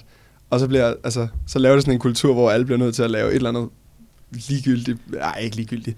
Det er hårdt at sige. Nej, jo, lad os du bare være ærlig. Nå jo, men du ved, altså, at skulle sætte nogle ressourcer efter det, sådan, det ved jeg ikke. Det, Det er jo ligesom den der, har I set den der meme med de der spidermænd, der peger på hinanden? ja. Det er jo lidt det, ikke? At det er sådan, om det er dig, nej, det er mig, nå, det er også dig. Altså sådan, det, er jo, det er jo de samme ord, der går Og igen. det sjove er, hver at alle de her citater, du er kommet med nu, jeg har prøvet at sidde og gennemskue, hvem, hvem kunne det være? Og, sådan, ja. og prøvet at sidde og høre sådan der, "Hmm, er det, er det der, hvor jeg arbejder? De lyder jo alle sammen som om, de, de kunne lige så godt komme fra de samme øh, advokatkontorer, synes jeg, mere eller mindre nærmest. Mm. Med, med undtagelse af få formuleringer, men ellers, så er det det samme budskab, de kommer med. Jeg tænker jo lidt, om de overhovedet rammer inden for skiven. Altså nu kan jeg jo tease, at vi i næste episode skal kigge på den her rapport, Fremtidens Jurist, som jo i Djøf Advokater har lavet i samarbejde med Karno. Og øh, der, er nogle, der virker det for mig som om, at der er nogle andre øh, fokuspunkter for øh, advokatkontorernes medarbejdere end talentudvikling og blive til... Så du tænker, om de overhovedet udvikling. faktisk har, har den rigtige finger på pulsen? Altså om det, om det de, de fokuserer på overhovedet er det, som læseren af det er, er, hvad hedder det, er interesseret i at finde ud af om, om den? Ja, for mig virker det som om, at øh, man sigter efter bullseye, men rammer øh, jorden. Ja, Ja, det tror jeg faktisk er meget slående. Ja. Altså, det er også meget sådan, det er også meget nemt at sådan, i en ansøgningsproces, ikke? altså sådan en karriere site der, eller rubrik, at sige, det her det er det, vi går op i. Men jeg tror, der er mange, der godt nogle gange kan stå med en oplevelse af, at sådan, de der meget øh, flotte floskler der, de stopper sådan lidt, når du kommer ind ad døren, ikke? og så overgår det lige pludselig til at være noget. Nu er du inde i varmen, det er sådan lidt... Øh, ja så, er der, så er der en intern politik der, som, Jamen, det er øh, som det. afviger fra, hvad der Det er står sådan- på den åbne Det er hjemmeside. jo lidt Zappa, ikke? Ligesom, øh, hvad er det, han hedder, Bull eller sådan. Du Mulle. gerne være med i hulen, ikke? Mulle. Så skal du æde, ja, mulle, så skal Ja. du æde den der snegl, eller så er det Ja, lige ja. pludselig noget andet. det, det kan godt blive sådan lidt, mm, altså sådan lidt halv, halvkøbt, synes jeg. Hvad er dit indtryk, Rasmus, med, nu når jeg lige laver det der, eller som William siger, at, at det stopper ved døren? Du har været, du har været mere ude i, øh, på arbejdsmarkedet, end vi har. Altså, jeg, jeg synes godt, jeg har kunne mærke øh, forskel på de to steder, jeg har været. Øhm, men jeg tror også, jeg har altid også involveret mig sådan i det interne arbejde. Altså, selvfølgelig synes jeg også, det er fedt at være på sagerne, men jeg synes faktisk også, det er fedt at være med til at få noget indflydelse og være med til at, at prøve at trække, øh, trække virksomheden. Altså, jeg, jeg, jeg kan godt lide at tage ejerskab for de ting, jeg er en del af, øh, og det er vigtigt for mig. Det er en, det er en værdi, jeg går op i, og hvis jeg er et sted, hvor jeg føler, at jeg ikke øh, bliver involveret, eller hvor man bliver involveret på den der måde, at man kan være med i en eller anden arbejdsgruppe, der skal komme med en eller anden anbefaling, øh, og så ryger den op i elfenbenstårnet til bestyrelsen, så hører man aldrig mere, og hvis man er rigtig heldig, så får man at vide, at det ser spændende ud, det kigger vi på næste år. Mm. Altså, så er, det jo, så, så er det jo svært at skabe engagement, hvis man, øh, hvis man ligesom encourager til noget, men så ligger man det bare i skuffen og siger, "Nå, men nu er de jo blevet hørt. Ja. Fair. Skal vi prøve at tage den næste? Ja, lad os Ja, gøre lidt. det. Nu bliver det, nu bliver det, lidt, øh, nu bliver det lidt spændende, fordi nu, øh, nu øh, har jeg fundet et advokatkontor, der har tilladt sig at skrive på engelsk. Som Okay. faktisk kun har en engelsksproget hjemmeside. Det kunne godt være jer, Danny. Det lyder, det lyder sådan her. We attribute a great deal of our success to our strong, firm culture and values. We are competitive, but in a healthy way. and never towards each other. Our remun- remuneration system is based on the lockstep model Ej. for all employees, employee, employees, which creates an equal compensation system. Punktum. Shit. Jeg aner ikke, hvad det er for en model, de kører med det der. Det er Øh, meget sådan... I så- Jeg kan godt forstå, at man skal skrive det på engelsk, ikke? men det er jo meget sådan der, altså, but why? Altså sådan, det, man føler jo bare, at det, det, man lige har set et afsnit af Suits, og så har man tænkt, nu ruller bussen, nu klasker vi det sgu ind på karrieresejtet, ikke? Det der med, hvordan har du det egentlig med sådan noget med løntransparens, Rasmus? Fordi det tænker grundlæggende, hvis man repræsenterer arbejdstager, så er det jo noget, man godt kan lide, men, men når det direkte er noget, der bliver nævnt i sådan en, øh, det her, det er vores lønsystem, det virker mere til, at det bliver et succesparameter for ansættelse, sådan der. Du skal arbejde hos os, fordi vi giver god løn. Det handler ikke så meget om transparens, det handler bare mere om, kom til os som virksomhed, fordi her er der mange penge. Altså, det er i hvert fald det indtryk, jeg står med, når det er noget, man nævner i en karriere-site.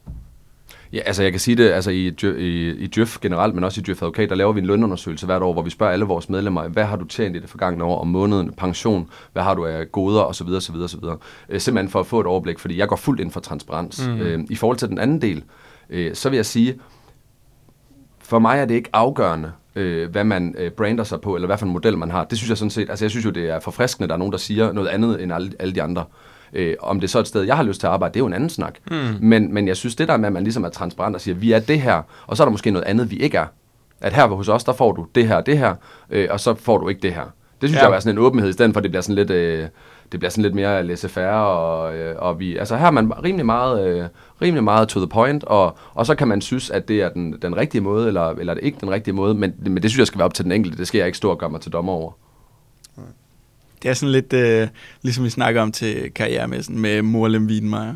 Det er sådan lidt den vibe, man får. Det får jeg i hvert fald. Sådan, vi, altså, inde hos os kommer du til at debattere rigtig meget, men du kender vilkårene, og det er det, der sker. Du skal nok, det er fint, du kommer til at tjene mange penge, men det er det, der sker. Ja, Sådan, de, ikke, øh, de prøver ikke at skjule det. jeg er enig. Men det synes jeg også er fair nok, faktisk. Ja, lige præcis. Fordi så, Ja. du, så er du sådan der, så kan du enten se dig selv i det, eller du kan la- ikke se dig selv i det. Så ved du, hvor du står og hvad du går Man lægger til. lidt mere bolden over til, til medarbejderne, ikke? eller altså Ja. kandidaten, og siger, "Nå, men har du lyst til det her? Hvis du har Ja. det fedt, så kommer at være en del af, Ja, af det, men hvis ikke. Men jeg synes også, der er noget lidt farligt i, at det næsten bliver en selvstændig pointe, at sådan, om hvor er det flot, at den her virksomhed bare lægger kortene på bordet, og siger, ja. det er det her, du tjener, eller det er den her lønmodel, eller sådan noget, hvor jamen, hvis det skal være en selvstændig pointe, så står det altså ret dårligt til hos mange af de andre, for nu bare at sige det, som det er. Undskyld, men så er det jo sådan lidt, Ja. what? Altså, ja, det ved jeg ikke. Det synes jeg godt, man kan tænke lidt over. Har du flere? Ja, nu går vi, øh, nu går vi væk fra de her øh, indledninger på karrieresites, nu går vi over til et, øh, et purpose. Og, og her skal man jo virkelig være, øh, være forsigtig, fordi det er jo noget, der er blevet brugt rigtig meget tid på, og det er jo noget, man, man virkelig har, har, har arbejdet med. Men jeg synes Mhm. alligevel, jeg kunne virkelig godt tænke mig, fordi det er blevet lagt frem også øh, offentligt, så, så derfor synes jeg, det var, det var spændende at ligesom øh, prøve at præsentere jer for det, og, og høre, hvad I tænker, der ligger i det. Øh, så jeg kommer bare til at læse det op. lige inden du læser det op, øh, lige afstemme, hvad vi tænker, at et advokatkontors primære purpose er generelt. Der vil jeg bare tænke, det jo bare at tjene big bucks. Ja, men sådan, det, det er også, jeg er enig. Eller sådan, jeg føler, at det der purpose, det er sådan noget, der har snedet sig ind i samtalen lidt via en bagdør, Ja. hvor det, sådan, det er svært at mønte det på. Hvis jeg skulle forestille mig, inden du begynder at læse det op, så er det sådan noget, vi vil gerne være en inkluderende arbejdsplads, der skaber mere værdi hos klienterne, eller skaber værdi ude Ja, i, i i virksomhederne fokus. og sådan noget. Ikke? Det er sikkert sådan noget, der kommer til at blive læst op. Ja. Men det er jo også stadig sådan noget vildt vagt noget. Ja. Altså, Ja, lad os gå. Ja, lad os ja, se. det var bare, bare lige, Jamen, ja. det, det er interessant. Det er, meget, øh, det er meget kort, og jeg tror, det er todelt. At der er øh, et purpose, der ligesom er meget sådan klientvendt, og så er der, øh, så kan jeg ikke helt gennemskue de to andre, men det kan være, I kan. Øh, men de lyder sådan her. By law, we mean business. Shit. fair. Just care. No status quo. Ja, det er jo nærmest kode. Det er sådan, prøv at lave et eller andet haiku-digt i den. Hvad var den anden? Just care. Care. Det jo også noget, altså de to sidste, det er jo sådan lidt, øh, ja undskyld, sådan hulu pulu. Vi vil gerne øh, sørge for, at alle trives og har det godt, ikke? Altså, no status quo.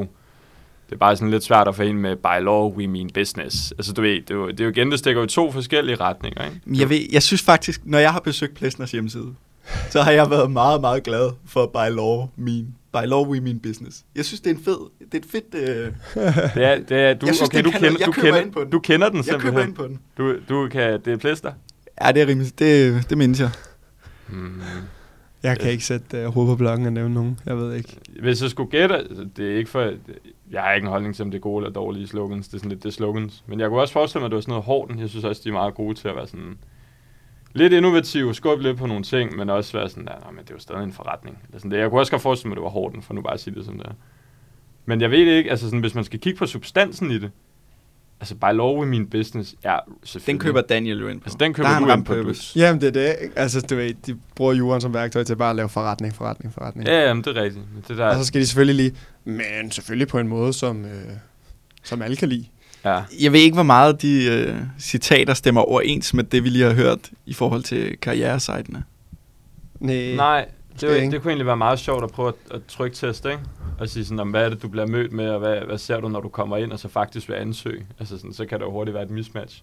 Jeg vil ikke kunne fortælle dig, Rasmus, hvad, hvad der menes med slogan 2 og 3. Nej, Altså, just sådan, det, det er care. sådan noget, øh, Det lyder som en afstumpet formulering. ja, Eller sådan, just care. Det ved jeg ikke. øh, care for what, ikke? Altså sådan, er det dine medarbejdere, er det klientens tag interesser, er det begge dele, er det dig Ja. selv? Altså, hvad, hvad, hvad skal jeg gå op i? Ikke? Jeg- altså, jeg tror egentlig det kun bare, det- sådan, bare give en fuck. ja, Just care. Jamen, det man jo også skal huske på, altså der ligger jo helt sikkert noget mere. Nu var det ligesom ja. det her, jeg kunne få, øh, Ja, ligesom kunne, kunne finde fat i. Altså det er klart, der ligger jo en eller anden under, underliggende bes, øh, beskrivelse, når vi siger Nå, det her. okay, det er sådan en byline, men, der- men, ja, ja, det er bare Ja, sådan nogle, okay. altså det er bare sådan nogle, øh, ja, der er sådan en headline og så en, en byline, ikke? Hvor Åh, man okay. ligesom altså, Okay. men den, den øh, det kunne, det kunne have blevet et meget, meget langt program, hvis vi skulle have det hele med. Så det er også derfor, at tingene Ja. bliver taget lidt ud af en kontekst, men det er jo også bare, jeg synes jo, det der er interessant, det er at høre, hvad I, t- hvad I tænker, både når I hører øh, det første, man møder på et karrieresite, men også når man, når man Ja. ja. støder på et purpose eller et, øh, et citat øh, i Advocate Watch, som vi skal til lige om lidt. Mm. Men jeg synes, at no status quo, den er da også meget god. Altså løsningsorienteret, vi har fremdrift, vi laver udvikling både for klienter, men også for personalet. Det er Og sådan lidt, det er lidt disrupt-agtigt, ikke? Jeg synes, det er det. Jeg synes, det, jeg køber mig ind på dem. Det er kun Just Care, jeg ikke... Øh, det Det er sådan lidt lyder som Nike-agtigt, sådan en, øh, det, ja, en Nike Just eller. McDonald's. Eller Just eller ja, det er rigtigt. Skal vi tage en til? Ja, nu kommer vi jo, som jeg lige, øh, som jeg lige teasede for. Øh, det var næsten, man skulle næsten have lagt en pause ind, men det lader vi være med. Øh, nu kommer der en lille, en lille anekdote, jeg skal nok gøre den kort. Øh, sidste år, øh, som vi talte om lige inden vi, vi gik på, så, så gjorde advokatbranchen noget ret ekstraordinært ved, at langt de fleste sådan store og mellemstore kontorer indførte 24 ugers øh, arbejdsgiverbetalt barsel til fædre og medforældre. Øh, Øh, og det skete sådan lidt fra foråret og sådan over sommeren og indtil at de her øh, regler om øremærket barsel trådte kraft 1. august. Øhm, I den periode, der kom der så en historie om, at der var et advokatkontor, som faktisk havde taget to ugers barsel fra både fædre og mødre. Og øh, det, det opsnappede øh, Advocate Watch, og det kom der en artikel ud af, øh, som jeg udtalte mig til, og jeg kom med min holdning til, hvad jeg synes om det, og så spurgte man så det her advokatkontor, øh, om hvad, hvad årsagen var til det, og hvordan de ligesom forholdt sig til det. Og øh, nu var der mange citater, og det kunne have blevet en meget lang oplæsning, så nu tager jeg bare to af dem, øh, og, og så, ja, så kunne jeg godt tænke mig at høre, hvad, hvad, hvad I siger til det. Øh, det lyder sådan her, og det er deres, øh, jeg tror det er deres ledende partner eller sådan noget, der, der siger det her. Vi lavede ændringen, fordi vi havde brug for at blive markedskonform, og for at få fuldmægtige til at prioritere fuldmægtiguddannelsen længere, før de begyndte at få børn, siger han. Oh. Og, øh, og det, der så kommer herind, så er det sådan noget med, at vi havde set, at øh, faglighed og sådan noget, og de vil bare øh, forlade os, og jada, jada, jada. Og så siger han så, øh, fordi jeg sagde måske, det var lidt utidsvarende, øh, så, og jeg siger, at jeg tror faktisk, der er mange, der synes, at barselsvilkår er sådan ret essentielle, øh, så bliver der sagt noget med, at det er sådan en slags hygiejnefaktor, og så bliver der sagt det her. Hygiejne, faktisk. Det, der giver motivation hos alle, er god ledelse, fed kultur, spændende arbejdsopgaver, interessante klienter, gode kolleger osv. Det er en hel masse andre forhold, som har med god ledelse at gøre, og ikke de her vilkår. Det kan vi godt tage en længere akademisk diskussion af, men der er jeg lodret uenig med Jeff. Damn, han har, han har, han har sine holdninger. Altså, man sidder næsten, når man, når man hører de der ting, man tænker, "Hvor- hvordan fanden er det her nogensinde kommet igennem en bestyrelse, der skulle tage den beslutning? Eller sådan, altså, Men- det forstår Men jeg jeg ikke. synes faktisk, altså jeg har respekt for, at øh, han, ha- ham, der har sagt det, synes jeg er transparent. Altså Ja. han, han lægger jo ikke låg på, de prøver ikke at skjule noget igennem vage formuleringer. Altså det er crystal clear, hvad hans og i den måde indirekte virksomhedens budskab er. Og så er det lidt ligesom det der med, var det Moralem, eller hvem var det? Ja, så ved man, okay, så ved man, om de er sådan et sted.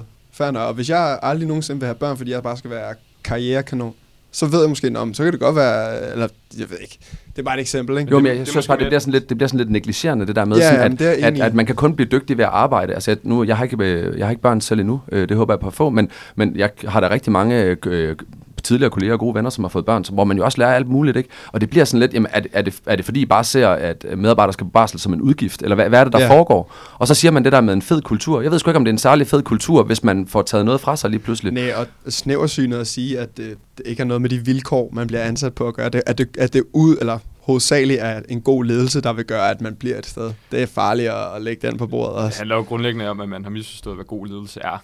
I et eller andet omfang, tror jeg. Det er jo også sådan lidt, når man, hvis du gerne vil have god ledelse, altså ledelse er mange ting, men det er jo ikke kun udvikling, arbejdsopgaver, klienter, det er jo også altså, rummelighed, inklusion og, oh, undskyld, nu står og banker i bordet, fordi det, det gør jeg meget op i.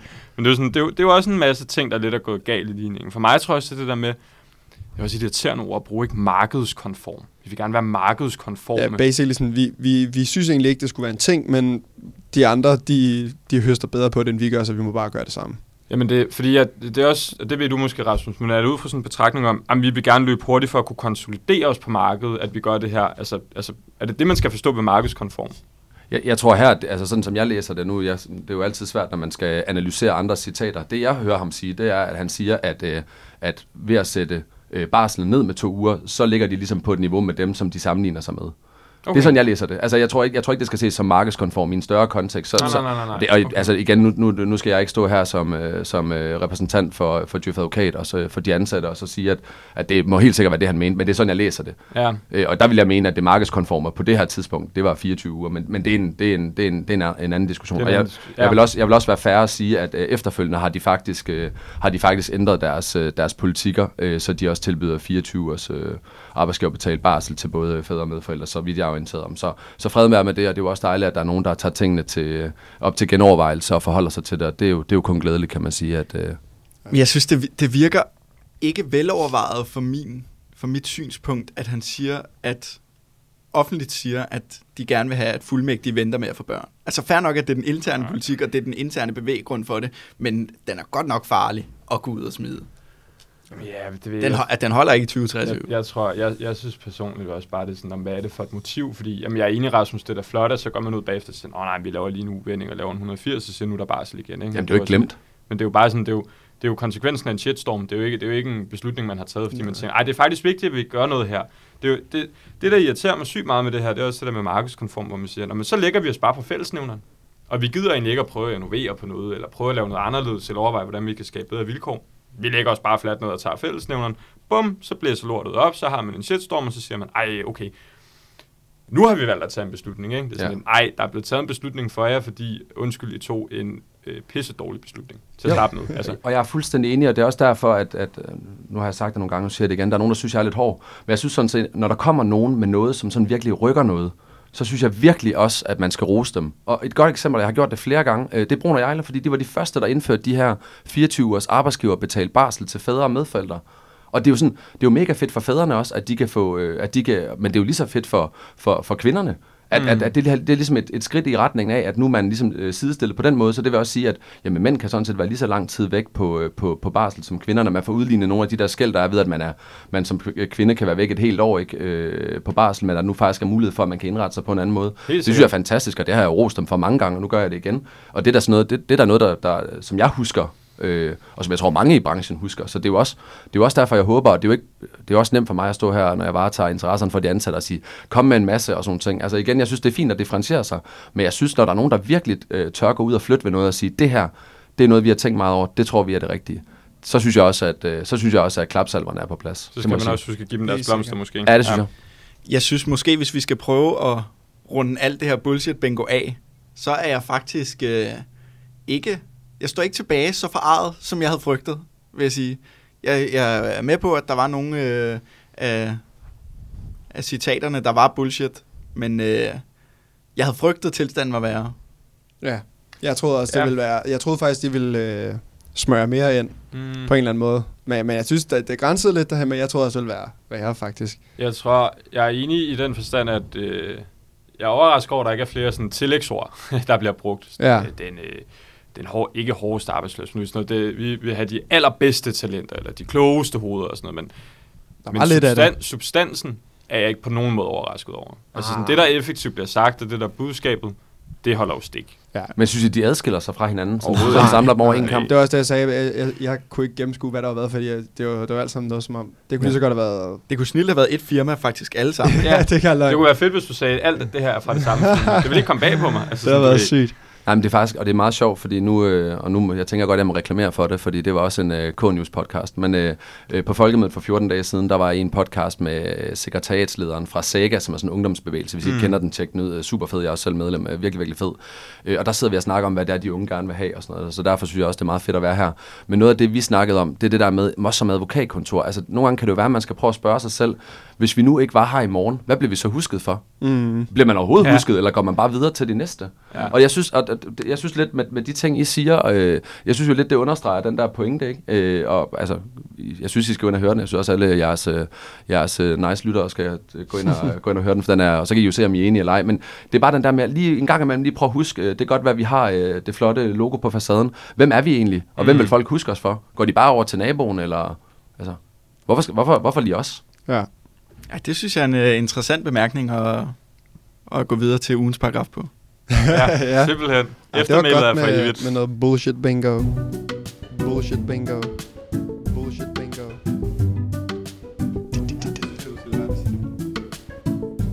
Ugens paragraf.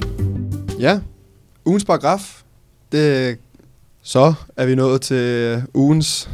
Er det ikke dig, der brokker dig over, at jeg kører ting for formelt og alt muligt, og så kører du selv sådan en der? En diktering. Jeg dikterer ikke noget. formand. Vi er nået til ugens paragraf. Det var bedre. okay. kammerater. Øhm, og vi er blevet, vi har været så heldige, at øh, du, Rasmus, kunne tænke dig at tage ugens paragraf med. Det er sindssygt fedt. Så øh, selvfølgelig til lytteren, hvis øh, du er i tvivl om, hvad ugens paragraf er, så mener vi selvfølgelig, Fælles betegnelse for en lov, eller et princip, eller en sædvane eller andet, som danner grundlag for at fastlægge gældende ret, enten i eller uden for Danmark.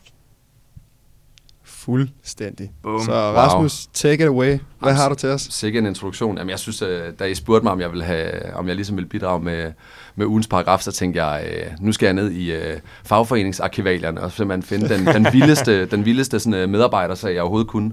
Men så tænkte jeg, nej, det var også... Øh, jeg synes, øh, nu hvor jeg ligesom øh, er, er advokat selv, og også repræsenterer en masse advokater, så tænkte jeg, at vi skulle have sådan en rigtig advokatdom med. Og øh, en af sådan, de der sådan helt grundlæggende øh, principper for det at være advokat, det er jo det her om tavshedspligt. Og øh, det står jo rodfæstet i de advokatiske regler, at altså, man ligesom, klienten skal vide, at der er ligesom kun en, øh, øh, advokaten tjener kun en herre, og, og alle de her ting. Så der er en meget, meget, meget, meget stram øh, tavshedspligt. Der er nogle få undtagelser, men, men sådan det, helt, det helt grundlæggende princip, det er, at øh, advokaten er underlagt tavshedspligt, og det er uagtet, om det er advokaten selv, som betjener klienten, eller resten af kontoret. Øh, der var så en sag, øh, som er gengivet i øh, ugeskriftet øh, 2002, 1531, som er en højesteretsafgørelse, som, som, øh, som beskæftigede sig med det her med, med udstrækning af advokatens tavshedspligt. Øh, og det er, en, det, er en, det er en ret vild sag på mange måder. Øh, først og fremmest fordi den bagvedliggende sag, som, som det drejer sig om, det er måske en af de største sådan, erhvervsskandaler de sidste 30 år, øh, mm-hmm. som fyldte rigtig meget i mediebilledet. Så den her øh, sag med advokaten øh, havde måske ikke sådan lige al, alminvældets interesse. Det havde klart standens interesse, fordi det jo var et, øh, et meget, meget principielt spørgsmål. Øh, og det andet, der er interessant, det er, at øh, højesteret deler sig i en 4-3-licens. Okay. Øhm, Oh. så, så, så derfor synes jeg, at den var, den var ret spændende at have med. Og hvis jeg bare sådan lige helt kort skal fortælle, hvad den handler om, så handler den om, at øh, tilbage i øh, slutningen af 90'erne, så øh, kommer det for øre, at, øh, at Kurt Thorsen, som, øh, som var sådan en ret stor sådan ejendomsmatador, lidt entreprenant, øh, flamboyant type, at han var i gang med at foretage et større aktieopkøb i to af de største øh, hvad hedder det, børsnoterede ejendomsselskaber på det tidspunkt. Et, der hed Norden, og et, der hed Gefion. Øh, og Kurt Thorsen havde ikke så mange penge selv, så dem skulle han, han skulle ligesom ud og få finansieret øh, det her køb. Og øh, han bliver spurgt i et øh, program på DR, øh, er det danske penge, du, du bruger til at finansiere? Og det siger han, nej, det er det ikke. Og øh, det, der så sker, det er, at øh, en advokat hos, øh, og meget, meget øh, respekteret, meget, meget anerkendt advokat, der hedder Jørgen Grønborg fra Plesner, øh, og dengang så hed øh, Plesner, Plesner og Grønborg, eller Grønborg, Plesner, jeg kan ikke huske det, men øh, han, øh, han ser det her program, og han undrer sig lidt, fordi en af hans kolleger øh, er advokat for øh, Kurt Thorsen. Og, øh, og har derigennem fået kendskab til, at det er PFA, som er en dansk pensionskasse, mm. der, skal, der ligesom skal øh, på vegne af, de udsteder nogle garantier, og den bruger man så til at få den her øh, finansiering på. Ja. Og øh, Grønborg synes, det er lidt mærkeligt, at øh, nu, fordi det, er det er jo et børsnoteret opkøb, så der er jo noget, der er jo noget, øh, der er jo noget øh, forskelligt i forhold til børslovgivning og de ting, der ligger i det. Ja. Øh, og det synes han er lidt mærkeligt. Øh, og så er det jo sådan, når man er en, øh, når man er en dygtig hæderkronet advokat, så bor man jo typisk lidt nord for København. Øh, og så har man jo sådan, altså, det er jo sådan et, et dejligt sted, man bor. Der, der er jo en masse mennesker, som, som, som arbejder med noget. Øh, og ikke ret langt fra, hvor Jørgen Grønborg han bor, der er så, øh, der bor øh, bestyrelsesformanden for det, der, hedder, der dengang hed Københavns Fondsbørs, som i dag hedder Nasdaq Copenhagen, som er Ja, ja. ligesom dem, der, der er jo, det er jo markedet for, showet. Ja, ja. præcis. Øh, og han fortæller ham så, at øh, han altså har kendskab til, at øh, øh, til det her, øh, Kurt Thorsen har sagt, men at han øh, via sin... Øh, via sit, øh, sin stilling som advokat i Plesner, eller sin, øh, i sin egenskab af partner hos Plesner, har fået viden om, at, øh, at det er PFA, der. Mm. der finansierer det her. Og øh, så ruller gildet. Så går øh, bestyrelsesformanden, han går så til, til PFA og siger, øh, hvad er det for noget? Øh, og, og, og hvorfor, vil I ikke have, hvorfor vil I ikke have det frem? Og øh, det, der så viser sig, det er, at øh, områdedirektøren i PFA, Rasmus Tras, øh, han har simpelthen forfalsket de her underskrifter på de her garantier. Ej. Jo, ja. så det vil sige, at der er simpelthen, der er, nu kan jeg ikke huske, hvad det var for en, øh, øh, altså, hvad hedder det, de strafferetlige bestemmelser inden for sådan det økonomiske kriminalitet. Jo, ja. Jeg tror, det var bedre- bedrageri, I må ikke, I må ikke hænge mig op på det. Så ruller der en kæmpe sag. De får flere års fængsel, altså en kæmpe stor skandale. Jo, jo, jo, jo, og, så, og så, så kommer vi så til den her sag, der jo er, jamen, Jørgen Grønborg har jo fået det her at vide i et klientforhold. Det er ja. Godt nok hans kollega, men det gælder jo for kontoret. Jamen har han så overtrådt sin tavshedspligt ved at fortælle det her til, øh, til, øh, til bestyrelsesformanden fra Københavns Fondsbørs? Og den starter, øh, det er jo sådan, at hvis man vil klage over øh, adfærd fra en advokat, så skal man gå i det, der hedder advokatnævnet. Mm. Øh, det fungerer sådan, at det, det er advokater, der dømmer advokater, øh, og så har man mulighed for at indbringe det for domstolen efterfølgende. Det, som øh, der sker, det er, den bliver indbragt for, for, øh, for advokatnævnet. De finder, at han har overtrådt sin tavshedspligt, og giver ham en bøde øh, i slut 90'erne på 2.500 kroner. Jeg kan sige, at bødetakserne mm. er blevet noget højere siden, men det var jo selvfølgelig også lidt en anden tid. Øh, Jørgen Grønborg, som er en meget, meget hedderkronet advokat, en meget, meget dygtig advokat, øh, han mener ikke, han har overtrådt sin tavshedspligt. Han skal mener, have, der den, er han skal ikke have den plet på sig. Den skal han ikke have på sig. Nej. Så han indbringer den for retten. Øhm, og landsretten kommer frem til, at, øh, at det er klart, der er den her øh, tavshedspligt. Der er nogle helt særlige omstændigheder her. Øhm, der er jo noget hensyn til det her med, med, med markedet osv. osv. Mm. Netop fordi de var børsnoteret, bum, bum, bum. Så de ender med at frifinde ham. Men fordi den er så principiel, så kommer den i højesteret. Og øhm, det er som sagt den dom, der er trygt i øh, udskriftet jo 2002 1531. Jeg synes, man skal læse den, hvis man drømmer om at blive advokat. Den er, den er ret fin, og den, altså, det vagte ret meget debat i kredsen også Ja. efterfølgende. Øhm, men det, som øh, de fire dommere de siger, det er, at, øh, at de, for det første så lægger de sådan set øh, landsrettens øh, begrundelse til, øh, til, hvad hedder det, til grund. Altså de siger, at, øh, at det, som Kurt Thorsen udtaler, det må, det må fremstå som løgnagtigt, og at de her oplysninger til offentligheden om, at PFA stod bag det, de havde jo væsentlig betydning for prisfastsættelsen af de, mm. her, øh, af de her øh, aktier. Og så endelig, at der var jo en risiko for, at med de udtalelser, kunne han ligesom påvirke markedet, så man kunne få kursen ned, så han kunne købe dem billigere. Øh, og så siger de også, at det var, altså det var et stort beløb, det, var- vi snakker en milliard eller mere, øh, og at den her øh, henvendelse, som, øh, som Jørgen Grønborg kom til, øh, det var til bestyrelsesformanden for Københavns Fondsbørs, som i egenskab af at være bestyrelsesformand selv var underlagt en tavshedspligt. Aha. Øh, så derfor, det var ligesom øh, landsrettens ord. Og så kommer så den her øh, 4-3-afgørelse, og det sjove ved den er faktisk, hvis man går op i den slags, det er faktisk, at øh, højesterets præsident var dissenterende på den. Okay. Øh, ikke at det nødvendigvis siger noget, fordi han er jo øh, han er jo, ikke, han er jo minidommer andre, ligesom alle de andre, men det er, det er ret interessant, men det er øh, fire dommer, der, der, der siger følgende. Advokatfirmaet Plesner og Grønborgs bistand til Kurt, Thors, Kurt Thorsen havde ikke forbindelse med retssager, men drejede sig om forretningsmæssig rådgivning, blandt andet vedrørende køb af aktier i en række selskaber, herunder de børsnoterede selskaber G4 Norden og finansieringen heraf. Advokat Jørgen Grønborgs videregivelse af den fortrolige oplysning om, at det, således som forholdet fremstod for ham, var PFA, der økonomisk stod bag Kurt Thorsen, skete til formanden for bestyrelsen for Københavns Fondsbørs. I betragtning af fondsbørsens lovbestemte opgaver, må denne videregivelse sidestilles med en anmeldelse til vedkommende myndighed, og det måtte forventes, at fondsbørsen vil søge forholdet afklaret ved henvendelse til PFA, således som det også skete. Med disse bemærkninger, og i øvrigt af de grunde, der er indført landsretten, som jeg nævnte før, så tiltræder de, at, øh, at den var øh, berettiget, og at den ligesom, øh, ligesom, det var for ligesom at varetage almenvældets øh, større interesser. Mm. Så man prøver næsten lidt at kalde det sådan en whistleblower-ordning. Ja, altså, altså På det en er en kattelem, ikke? Ja. Altså, ja, ja. Fordi, fordi hvis man læser landsrettens, øh, hvis man læser landsrettens præmisser, så starter de med ligesom at sige, at, at det er helt al, altså altafgørende, at man kan stole på, at advokater ikke videregiver information. Mm. Men der må være, der må være nogen, nogen tilfælde, og det er også der, jeg synes, man skal hæfte sig ved det her med, at, at højesteret siger det her med, at det er forretningsmæssig rådgivning. Ja, det har Altså, ikke noget er ret til at gøre. Nej, præcis. Nej. Der er, By law, we, we mean business. By law, we mean business. No Præcis. status quo.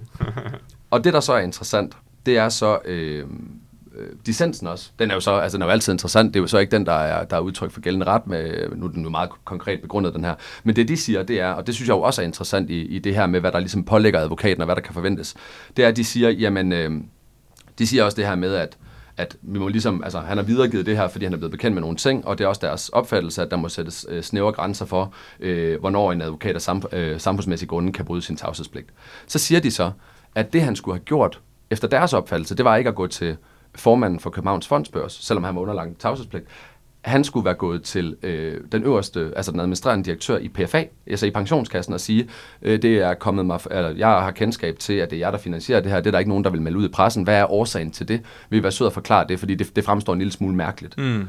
Øh, så, og, og så, kunne man, så, så ville PFA jo ligesom kunne svare for sig, og så ville man ligesom kunne have håndteret den den vej. Øh, så de mener, at, at hvis man nu havde rettet henvendelse til, til ham i stedet for, jamen så havde det været, øh, så havde det været øh, mindre belastende øh, Ja. øh, ud fra sådan klienthensynet til, til Kurt Thorsen. Øh, og derfor mener de så, at han har overtrådt sin, øh, sin tavshedspligt. Det Så det er jo sådan en, det er jo virkelig sådan en, altså det er jo sådan en, en meget, meget øh, øh, forfinet øh, begrundelse fra de dissenterende dommer også. Ja. Øh, og så er, det jo, så er det jo bare vildt, øh, den sag, hvad det førte med sig. Og jeg vil også øh, klart komme med en anbefaling, at hvis man søger på Kurt Thorsen og Rasmus Tras, og så ser, da de står ude foran retten, hvor de lige har fået, jeg ved ikke hvor mange års fængsel, øh, hvor de står og river hovederne af hinanden, eller særligt Rasmus Tras, der river hovedet af Kurt Thorsen. Øh, kæmpe anbefaling. Det er sådan et af de, sådan, altså det er sådan, det er sådan et klip, man aldrig glemmer. Den kommer op på Insta'en. Ja, den jeg op på Instagram, gør den. Jeg, jeg kender ikke til øh, skandalen generelt, eller krisen. Nej. Jeg synes, det er en meget sjov begrundelse, de dissenterende dommer har, fordi man kan jo egentlig godt følge deres argumentation, Ja. Ja. men samtidig så har det jo ikke, altså samtidig synes jeg, at det her argument med, at det kan henføres til at være en øh, lignende myndighed, altså det vejer alligevel tungere. Mm.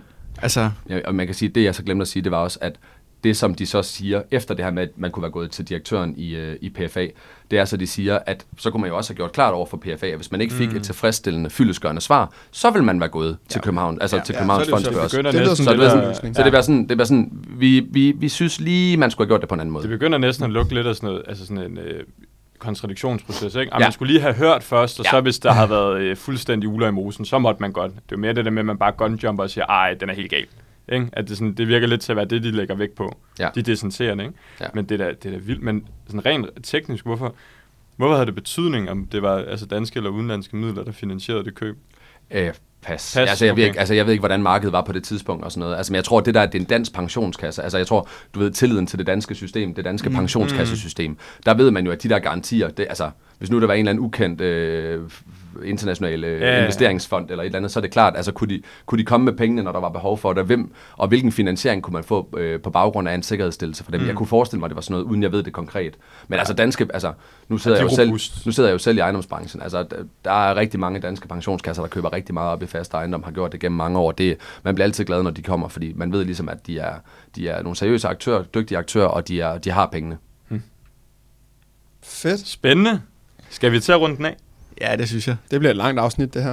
Men Ja. ja. det er så bare endnu mere for dig, kære lytter, at- lytte til. Der er lidt til sommerferien. Så kan det være, at du kan pausen undervejs, og så når du skal cykle videre, hvor end du skal hen, så kan du sætte det på igen. Det gør det jo ikke kortere, Nej, og at du står og snakker lort lige nu. Nej, det Men, øh, heller ikke, at det er til sidst i podcasten, for så har, så har du nået hertil, og så er der ikke så langt tilbage, kan man sige. Tusind tak, fordi at, øh, du gad at smide noget bullshit i hovedet på os, Rasmus. Det har det en virkelig været fedt. Ja. Ja, men tusind tak for, at jeg var med det. Jeg synes, det var rigtig sjovt og virkelig fedt. Og så god sommer. Ja, god sommer. God sommer til alle. Det var Jurister NSB i samarbejde med K-News og Carno Group.